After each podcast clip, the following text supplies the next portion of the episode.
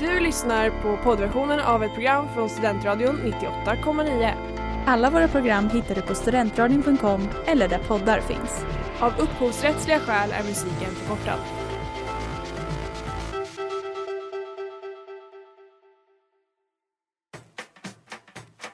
Hur är Uppsala som cykelstad? Men, men alltså verkligen, cred till alla rättshaverister där ute. Vad har ni för relation egentligen till näthat? Det faktumet att man kan bli tvångsgift. En möpare, det är en militärt överintresserad person. De som argumenterar för att public service ska vara skattefinansierat. Systembolaget har ju liksom den stora fördelen att de faktiskt säljer sprit. Alltså det gör ju inte försvaret. Sen lunch med PK, ditt inrikespolitiska program. Varje onsdag klockan 18 på Studentradion 98,9. Nej, då, nu kan du köra. Halloj, halloj. Hallå? Hur är det med er? Det är bra. Hur känns det för dig, Elin? Det är lite mycket att stå i här. Det är mycket nya knappar. Ja, Elin, för de som inte ser oss så är ju Elin vid, eh, vad säger man, rodret? Ja, exakt. Man säger Jag så? står vid Första mixerbordet gången. Här. Det är jag som... Om det är någon som inte hörs eller så, då är det mitt fel. Ja, det är jätteskönt att äntligen kunna få skylla på någon annan. Nu får du liksom lämna över det här arvet av att. Ja. sända och podda. Jag mår så bra. Det gör det. Hur går mikron? Ja, det är makalöst. Ja. Det, ehm, jag kan inte begära en mer trevlig kurs. Nu har jag fått ångest över min pensionsbesparing. eh, förra veckan hade jag ångest över min alkoholkonsumtion. Vi får se vad nästa veckas ångest blir. Men nu dricker William numera bara kombucha. Så du behöver inte oroa dig över din alkoholkonsumtion. Nej, precis. Det är perfekt. Du har liksom räddats nu av Elsas hembryggda kombucha. Ja. Allt för dig William. Det brinner i halsen fortfarande. Men nyttigt är. Tänk på din tarmflora. Ja. Den, eh, ska den blomma eller ska den inte blomma? Den ska väl blomma? Eller, Ja, alltså, en Eller inte för bra- mycket typ? Eller? Kan man ha för mycket tarmflora? Jag har inte riktigt fattat vad en tarmflora är. Inte de här små håren som ligger... Inte, är det inte bakterierna? Aha. Ja. Här, nu Jag är vi- mycket mer av en to- eh, tarmfauna-kille. Vad det innebär. Carl von Linné över tarmfloran. Exakt. Mm. exakt. Det, Mm, Ja, nej, men jag känner... Ja. Mm. Ska vi köra igång? ja. Då gör vi det.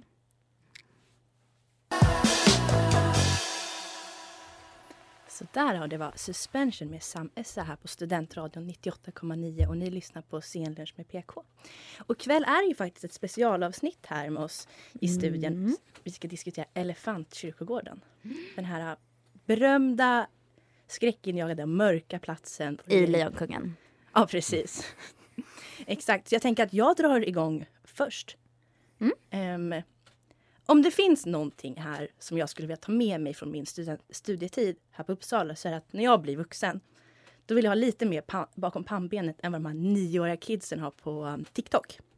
Men så kände kanske inte Anders Hamsten eller så såg hans For You-page kanske lite annorlunda ut än vad den gör för mig. För låt oss vara helt ärliga. Det kan väl inte vara någon som har missat den här extrema lobbyismen för att få bort plastsugrör. Har någon av er missat den? Nej. Nej. Jag visste inte att det fanns kvar. Ehm, för det har ju visat sig nu att varenda människa har ju blivit sköldpaddsaktivist. Oh, ja. Oh, ja, exakt. Um, varenda unge tvingas ju dricka med de här värdelösa papperssugrören eller med de här extremt energikrävande metallsugrören samtidigt som de dricker ur plastmuggar på varenda biograf och snabbmatsrestaurang. EU, som vi alla vet, har ju då bannat engångsplasten och att använda en tygpåse, ja det har inte längre varit ett karaktärsdrag som identifierar indietjejer och indiekillar på stan. Du vill också att de här tygpåsarna tydligen ska ta hur många användningar som helst innan de ens är miljö... Eller så, så här. Jag tror det var tusen användningar. Ja. Så är det som en plastpåse. Ehm, exakt. Ehm, och nu har ju plastpåsar blivit en lyxvara som fattigpensionärer och ensamstående föräldrar inte har råd med medan de släpar hem sina varor i de här egensydda flergångskassarna. det är verkligen att ni säger, ah, sparar du dina pengar i guld? Jag sparar i plast. Exakt. Alla bäckar små, eller många bäckar små. Alla har ju fått det här memot om att plast är dåligt. Att det är superduper dåligt. Att det är liksom katastrofalt, jorden går under, världsmegadåligt. Från varje då sköldpaddsaktivist till varje medelålders man som på fredagar med barnen köper extra stort pack med papperssugrör. Men det här missar tydligen Hamsten på sitt kontor ute i Solna i norra Stockholm. Han missade att sköldpaddorna inte kan andas när de lugnt simmandes i havet råkar svälja ett plastsugrör. Den där videon som jag har fått upp ungefär hundra gånger varje dag på min For You-page, den fick aldrig Hamsten upp. Ehm, när han då godkände att Macchiarini skulle få operera in plaströr i människostrupan. Men vi ska ändå ge en eloge till de här nioåriga kidsen på TikTok för de har ändå fattat det här basala konceptet. Precis som alla vi andra här i studion har gjort. Och det är det här jag liksom... Medan de här nioåriga kidsen dricker ur sin, i, till sin takeaway i de här plastmuggarna. Då tänker de ändå på miljön. De har ju sitt papperssugrör, de har ju sin, sitt metallsugrör. För de har fattat att Nemos kompis sköldpaddan Crush, han dör om vi använder plastsugrör. Det gjorde aldrig Hamsten. Så vad är det då jag vill komma med detta? Jo, men att mitt mål om att bli lite smartare av min tid här i Uppsala. Jag kanske ändå inte ska lämna min bakgrund med de nioåriga kidsen på TikTok.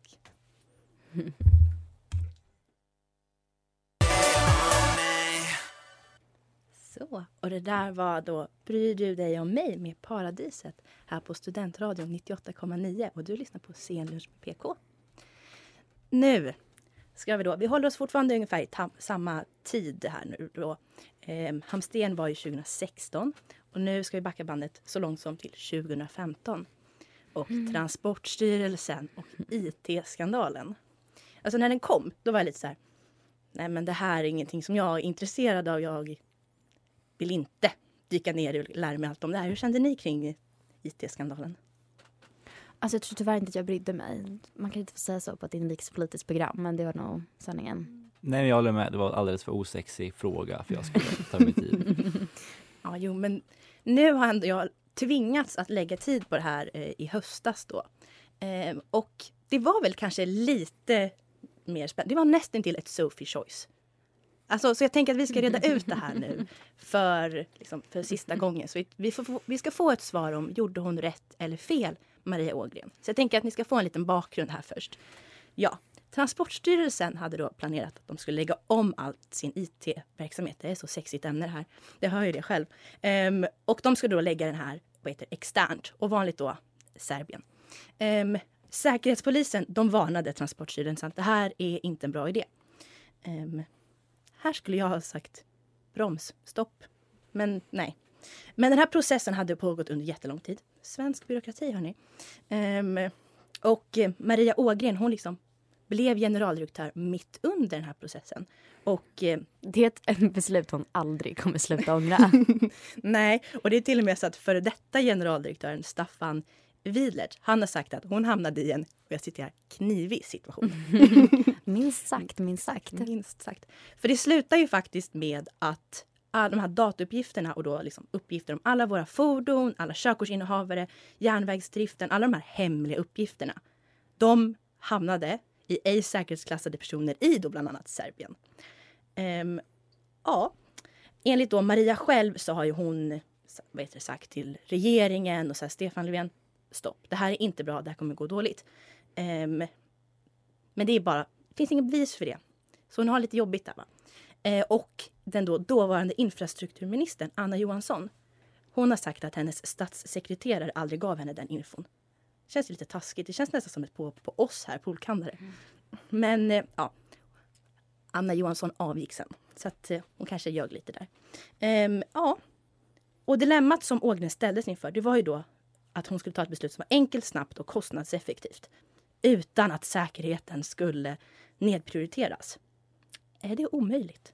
Eller liksom, tycker ni att Ågren skulle ha fått hamna på Elefantkyrkogården?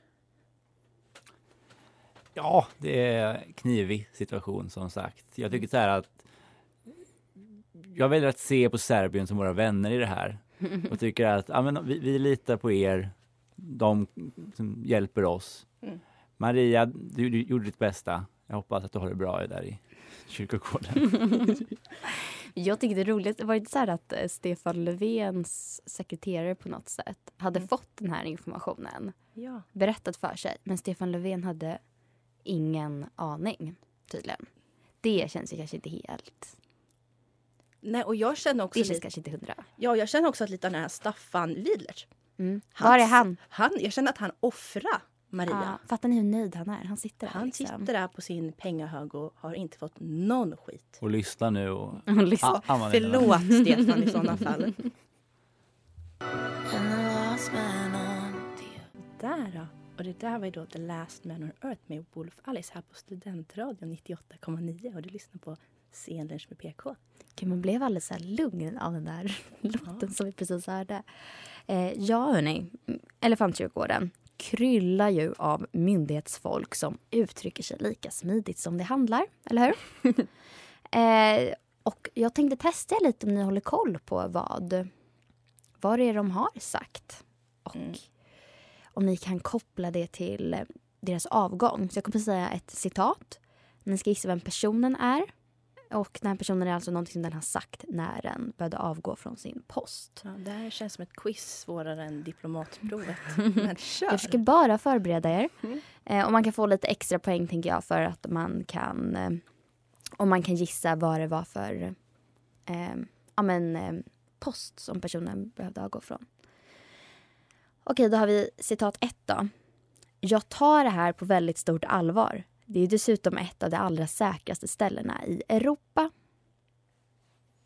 Men det kanske är Maria Ågren. Serbien är ju jättesäkert. Eller Dan Eliasson, Kanarieöarna, det är säkert att åka och resa. Ja, Oh. det är. Jag tyckte det var en väldigt bra gissning på Maria Ågren dock måste jag ändå säga. Men ja, det är ju Dan Eliasson. Och när vi andra i vårt avlånga land öppnade våra hjärtan till MSB massutskick sms, likt Fredde öppnade sitt 2014 för flyktingarna, så hände något knasigt med Dans mobil. Och istället för att surfa in på webbplatsen krisinformation, vilket smset hänvisar den till att göra, så kom han in på flygresor.se. Jätteknasigt, eller hur? Men det var ju också en säker plats. Ja, frågan är väl liksom om Kanarieöarna-borna känner så efter liksom alla covid-svenskar. Jag tänker att svenskar med covid är ungefär lika välkomna som vanliga britter är resten av året. Eller? Ja, jo. Det är väl Mm. britter, tyskar i Malaga och Ja. vi corona-svenskar då. Mm. Där har vi en, en härlig trio. Mm. Eh, då har vi citat två då. Även en generaldirektör har rätt till en privat sfär. Hmm. Den är svår. Dan Eliasson, jag ska... Nej. Nej, rätt svar är Ingemar Hansson. Och Hansson fick ju avgå som generaldirektör för Skatteverket efter att han agerat personligt ombud åt sin sambo i en fakturatvist. Eller om det kanske var särbo tror jag. Eh, och lite lätt olämpligt kan man tycka kanske att det är att en person som håller en sån tung post eh, ger sig in i en privat tvist som dessutom är mellan en storbolags vd och ett litet småföretag. Men man måste väl ändå ta hålla med. Alla har ju rätt till ett privatliv. Eller hur? Det ska inte Mm. medierna lägga sig i. Eller hans chefer.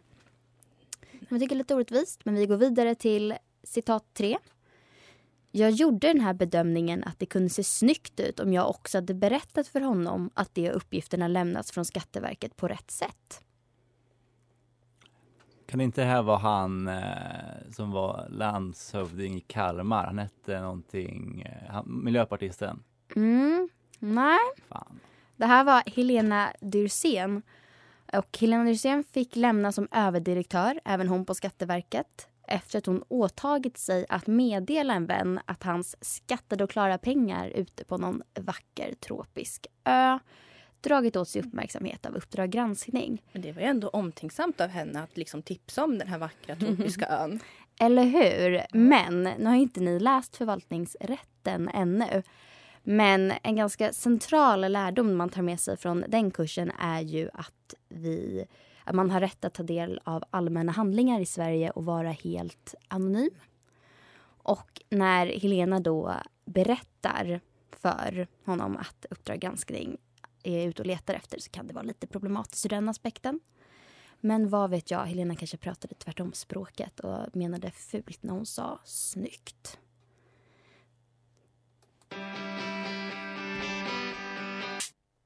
Så där var Cats Cradle med Boo Doran och Badass Kids med Cape Wheel. Här på Studentradion 98,9 och du lyssnar på Scenlunch med PK. Och quizet är inte över ännu. Så vi går vidare till fråga fyra. Jag förstod inte allvaret. Det här känns, det här kan alla ha sagt. Don Eliasson. Don Eliasson, det är enda. Men han har ju haft många generalposter. Alltså det, Ja. det är en sjuk man på det sättet att han har liksom hoppat från generalpost, gjort bort sig, fått en ny generaldirektörspost, gjort bort sig. Alltså han har ju ändå haft tre stora poster innan han har hamnat på Elefantkyrkogården. Så jag säger också Don. Ja. Och det finns ett fantastiskt, det är någon miljöpartist som eh, twittrade när han bytte från Polismyndigheten till MSB som skrev jag som miljöpartist är helt för återvinning men typ någonstans måste vi få ett stopp eller någonting. Alltså någonstans står även Miljöpartiet gränsen. ja. Ja. ja, nej det är faktiskt Maria Ågren som sa det här. Mm. Ja, och Elin, du har ju precis pratat om Transportstyrelsen och eh, IT-skandalen. Så vi vet ju att Maria Ågren var tvungen att lämna. Ja, alltså det där citatet går ju lite mot hennes då privata anteckningar som hon sägs ha. Ja, men samtidigt känner jag så här att från en teknikdum människa till en annan så har jag ett, och med ett stort support för internationellt samarbete, gillar Serbien, så har jag helt förståelse för att Maria Ågren inte förstod allvaret. Ibland blir det fel helt enkelt. Ibland blir det fel. Då är vi redo för fråga fem då. Det var ett misstag att låna från representationsförrådet. Det här är ju mer Mona Sahlin-aktigt, men hon är ju inte. Nej. Nej, jag säger Don Eliasson. Don Eliasson, det är vår enda gissning mig. den här kvällen. Nej, det var Håkan Wåhlstedt. Eh, Och Håkan fick ju komma till Elefantkyrkogården efter att det uppdagades att han som landshövding i Västmanland hade stulit vin från representationsförrådet. Och visst kan ett misstag hända och visst kan samma misstag hända gång på gång på gång på gång utan att man lär sig av det. Eh, och även fast radioutskottet pre-corona har en tradition av att ha tidiga frukostmöten för att det är så kul att tvinga upp bakfulla studenter tidigt på morgonen så ska vi inte gotta oss mer i alkoholproblemet i det här programmet. Så jag går vidare till nästa fråga. Och då har vi Jag fick göra skitgörat. Det här är Don Eliasson. Jag svär, jag svär. Det här är Don Eliasson. Ja! Än en gång, att jag var tvungen att ta med två fantastiska citat. Han har satt så mycket roligt. Men han är ju en legend Ja. i, på Elefantkyrkogården. I Alltså- sitt sammanhang är han ju... Ja, ja, men han har liksom återuppstått från de döda liksom, ett antal gånger också. Ja, men han är värre än en katt. Han har ju liksom mer än nio liv. Ja. Nej, och eh, det var ju såklart Dan Eliasson och fyra välvalda ord får man ändå ta och säga. Och man Mm. kan väl spontant känna att hur han att det var lite mer liksom nej än jej kring hans tid på Polismyndigheten. Då han sa det här. Men ja, vad bra jobbat. Jag tyckte ni ändå var duktiga. Jag tyckte att det finns en lång väg kvar tills att vi ska klara diplomatprovet, William. Det är...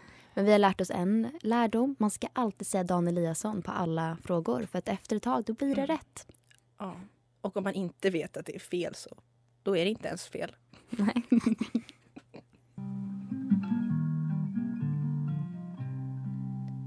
Så där, Walking the Dream Body med Karima Walker här på Studentradion 98,9. Du lyssnar på Scenlunch med PK.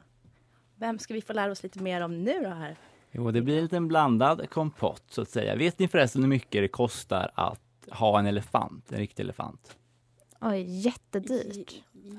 Ja, det är dyrt. De kostar flera hundratusen att köpa på svarta marknaden och jag kan tänka mig att det är nog dyrare att föda det.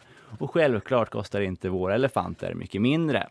Eh, Dan Eliasson kan räkna med att totalt få ut ungefär 4 miljoner kronor efter hans tid på regeringskansliet till slut. Inte dåligt. 2012 kostade ungefär 8 miljoner kronor per år att betala alla elefanternas löner. 2017 var siffran uppe i 17 miljoner. Och jag kan bara tänka mig hur mycket det kostar nu. Och då frågar man sig självklart, vad kan vi göra med de här pengarna annars? Jo, som ni kanske minns från några år sedan så var det mycket rabalder om att man byggde en Muminpark i Karlstad som var tre gånger större än den Muminpark som redan fanns i den finska staden Eh, ja, Kan det vara Åbo? nej. Nådendal. Precis. Det är en bra park. Precis. Eh, Karlsborna var inte jättenöjda, men jag kan tänka mig att finnarna var ännu mer missnöjda. För all, vi vet ju egentligen att bygga en Muminpark i Sverige är ju bara ett stort fuck you-finger till våra grannar. Det här är bara en maktvisning. Men det är någon- liksom Sveriges sak, eller Finlands sak i vår sak. Ja. Verkligen. Mumin är våra Jag nu. tänker också att det är någon liten kommunalpolitiker i Karlstad som är så jävla nöjd. Det är väldigt många som är väldigt nöjda. Det här är en investering som väntas ligga mellan 20 och 24 miljoner kronor, vilket är ungefär vad vi lägger på att betala ut lönerna på, till våra generaldirektörer på eh, regeringskansliet. Då säger jag, vet ni vad vi gör? Nej. Vi kan sparka alla dessa GDs och istället investera i eh, olika fackhjulikplatser för att reta upp andra grannländer. Vad säger ni om en H.C. Andersson park vid Helsingör? Kanske Ja. Skamland vid norska gränsen. Ah, ja. Nu när vi är på så pass nära en NATO-option tycker jag att vi har råd att reta den ryska fienden i öst. Jo, jag tycker att vi bygger en, ett vattenland på Gotland med vodka istället för vatten och skickar en invit till Putin själv. Bara för att göra nytta av dessa pengar. Massa ubåtar. Verkligen. Vad har ni? Har ni några idéer på hur vi kan eh, visa styrka mot våra grannländer? Alltså det var så mycket här för mig att processa nu. Alla, det var så mycket bra idéer. Jag tänker bygga ett eget Alperna.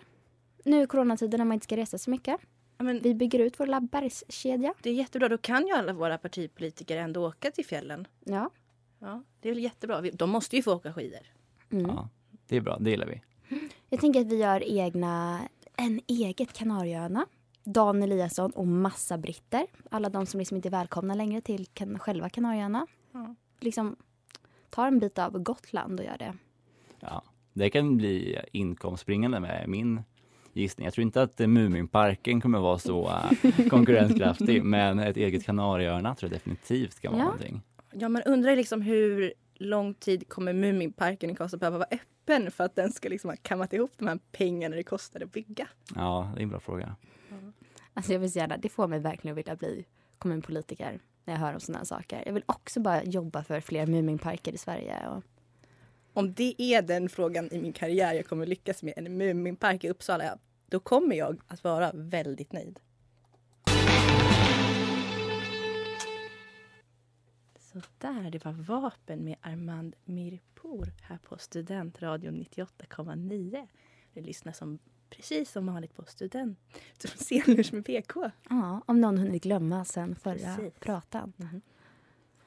Ja, och eh, tidigare lyssnare känner ju igen mina planer att eh, öppna ett H.C. Andersson-land, ett, eh, en skampark och eh, ett vodkavattenland för att reta upp våra grannar.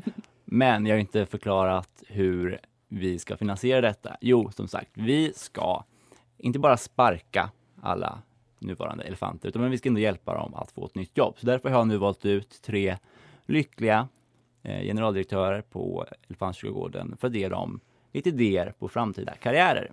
Så vi börjar med Håkan Wåhlstedt som du tidigare nämnde. Bästa Håkan. Det många inte vet om honom är att han har en väldigt stor samling skolplanscher. Över Jaha. 2000 faktiskt. Han eh, ärvde från sin morfar och har sedan byggt upp eh, denna samling. Är det de här jättetrendiga med så här fauna och det är liksom... Exakt, Ja. supertrendiga. Tarmflora. Tarmflora. Eh, tidigare drev han det digitala museet skolplanscher.se. Eh, nu är det domänet ledigt så jag antar att det inte finns kvar. Därför rekommenderar jag Håkan Wåhlstedt att säga upp sig för att på heltid satsa på detta digitala museum. Skolplanscher verkar vara ganska värdefulla. Mina tidigare undersökningar visar att de går från ungefär 300 kronor uppåt. Snabb huvudräkning visar att denna samling är alltså i mångmiljonsklassen. 600 000 kronor om man räknar lågt kan vara mycket, mycket mer än så. Jag vet ju inte exakt vad han har för flora och fauna på väggarna. Nej, jag får ju upp de här liksom på så här Facebook marketing och sånt. Att de, Facebook Mm. vill verkligen att jag ska köpa de här. Och, nej, men de alla går för 500 kronor så att det är absolut finns möjligt. pengar att tjäna. Det finns pengar. Precis, och där får ni även en spaning för 2021 att skolplanscher är väldigt inne. Så jag säger så här, Håkan, satsa på skolplanscher och säg upp din statliga Kom månadspeng. ihåg, kom ni ihåg vart ni hörde det först? Precis. Vidare har vi Thomas Karlsson med ett Z. Innan han fick sparken som landshövding i Kalmar för att ha betalat ut löner svart till serveringspersonal var han faktiskt VD på IKEA. Jag har därför föreslagit honom som ledare för min nya lobbyinggrupp Ta tillbaka rottingskåpet modell Stockholm 2017 till IKEA. För den hade passat perfekt i mitt sovrum. Till min stora förtret ser jag på LinkedIn att han nu har ett nytt jobb. Eh, han beskriver det som styrelseledamot, visionär och affärsutvecklare. Så Precis ser- vad som står på min LinkedIn också kan jag säga. Precis, så här har vi någon som tar sitt ansvar för att finansiera ytterligare en Muminpark. Slutligen tycker jag att vi ska ta och hjälpa hela Sveriges hackkyckling Dan Eliasson att ta steget ut i den stora världen. Så, vad säger ni? Ska vi ändra hans förnamn till Jan och skicka honom till FN? Eller ska vi dra nytta av hans juristexamen? Kanske som försvarsadvokat till Yasin, Ebba Busch eller kanske vargmördaren Sven Hedin. Vad säger ni? Hade ni velat anlita Dan? Alltså jag, tänker, jag tror man hinner göra både. Tänker vi skickar honom först till FN. Det kommer inte dröja länge innan han blir sparkad därifrån också. Förmodligen. Tillbaka. Då kan han liksom köra liksom ett varv för Ebba mot Esbjörn. Alltså jag, jag tror vi kan hinna det mesta. Han kan ju också vara jurist åt de här skatteflyktingpensionärerna som åker till Kanarieöarna och södra Spanien. Någon måste ju ha deras Ah. rygg när Stefan Löfven säger att ni måste komma och betala lite skatt här i Sverige. Absolut. Resledare. Resledare tror jag absolut han passar som. Jag tycker han, han kan också få en roll i min lobbygrupp för att ta tillbaka Åh. Stockholm 2017 till IKEA-sortimentet. Ja, eller bygga ett egen Kanarieöarna som vi tidigare pratade Ja, precis. Han kan ju bli, ehm, eh, vad säger man, statsminister på eh, Folkrepubliken Svenska Kanarieöarna.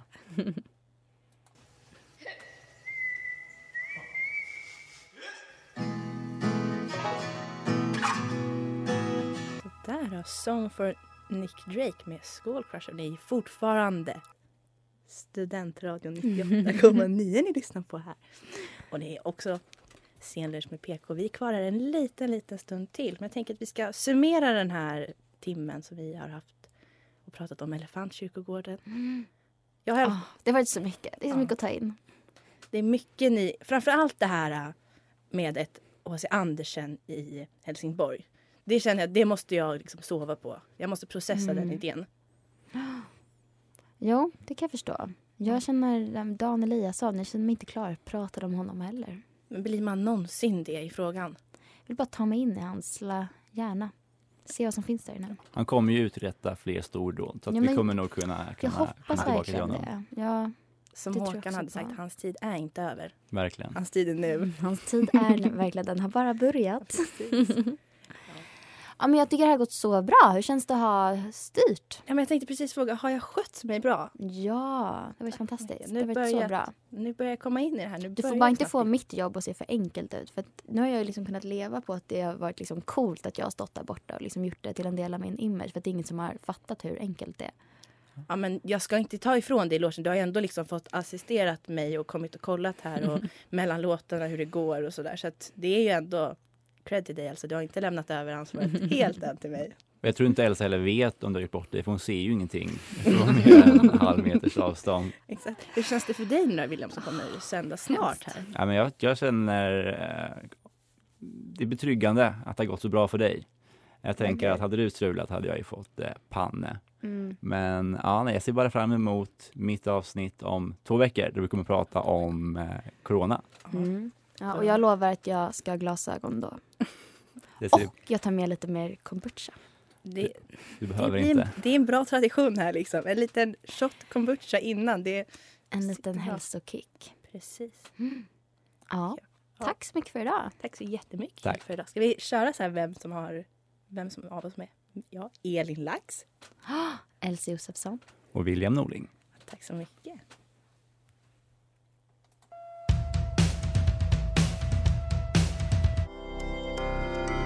Du har lyssnat på poddversionen av ett program från Studentradion 98,9.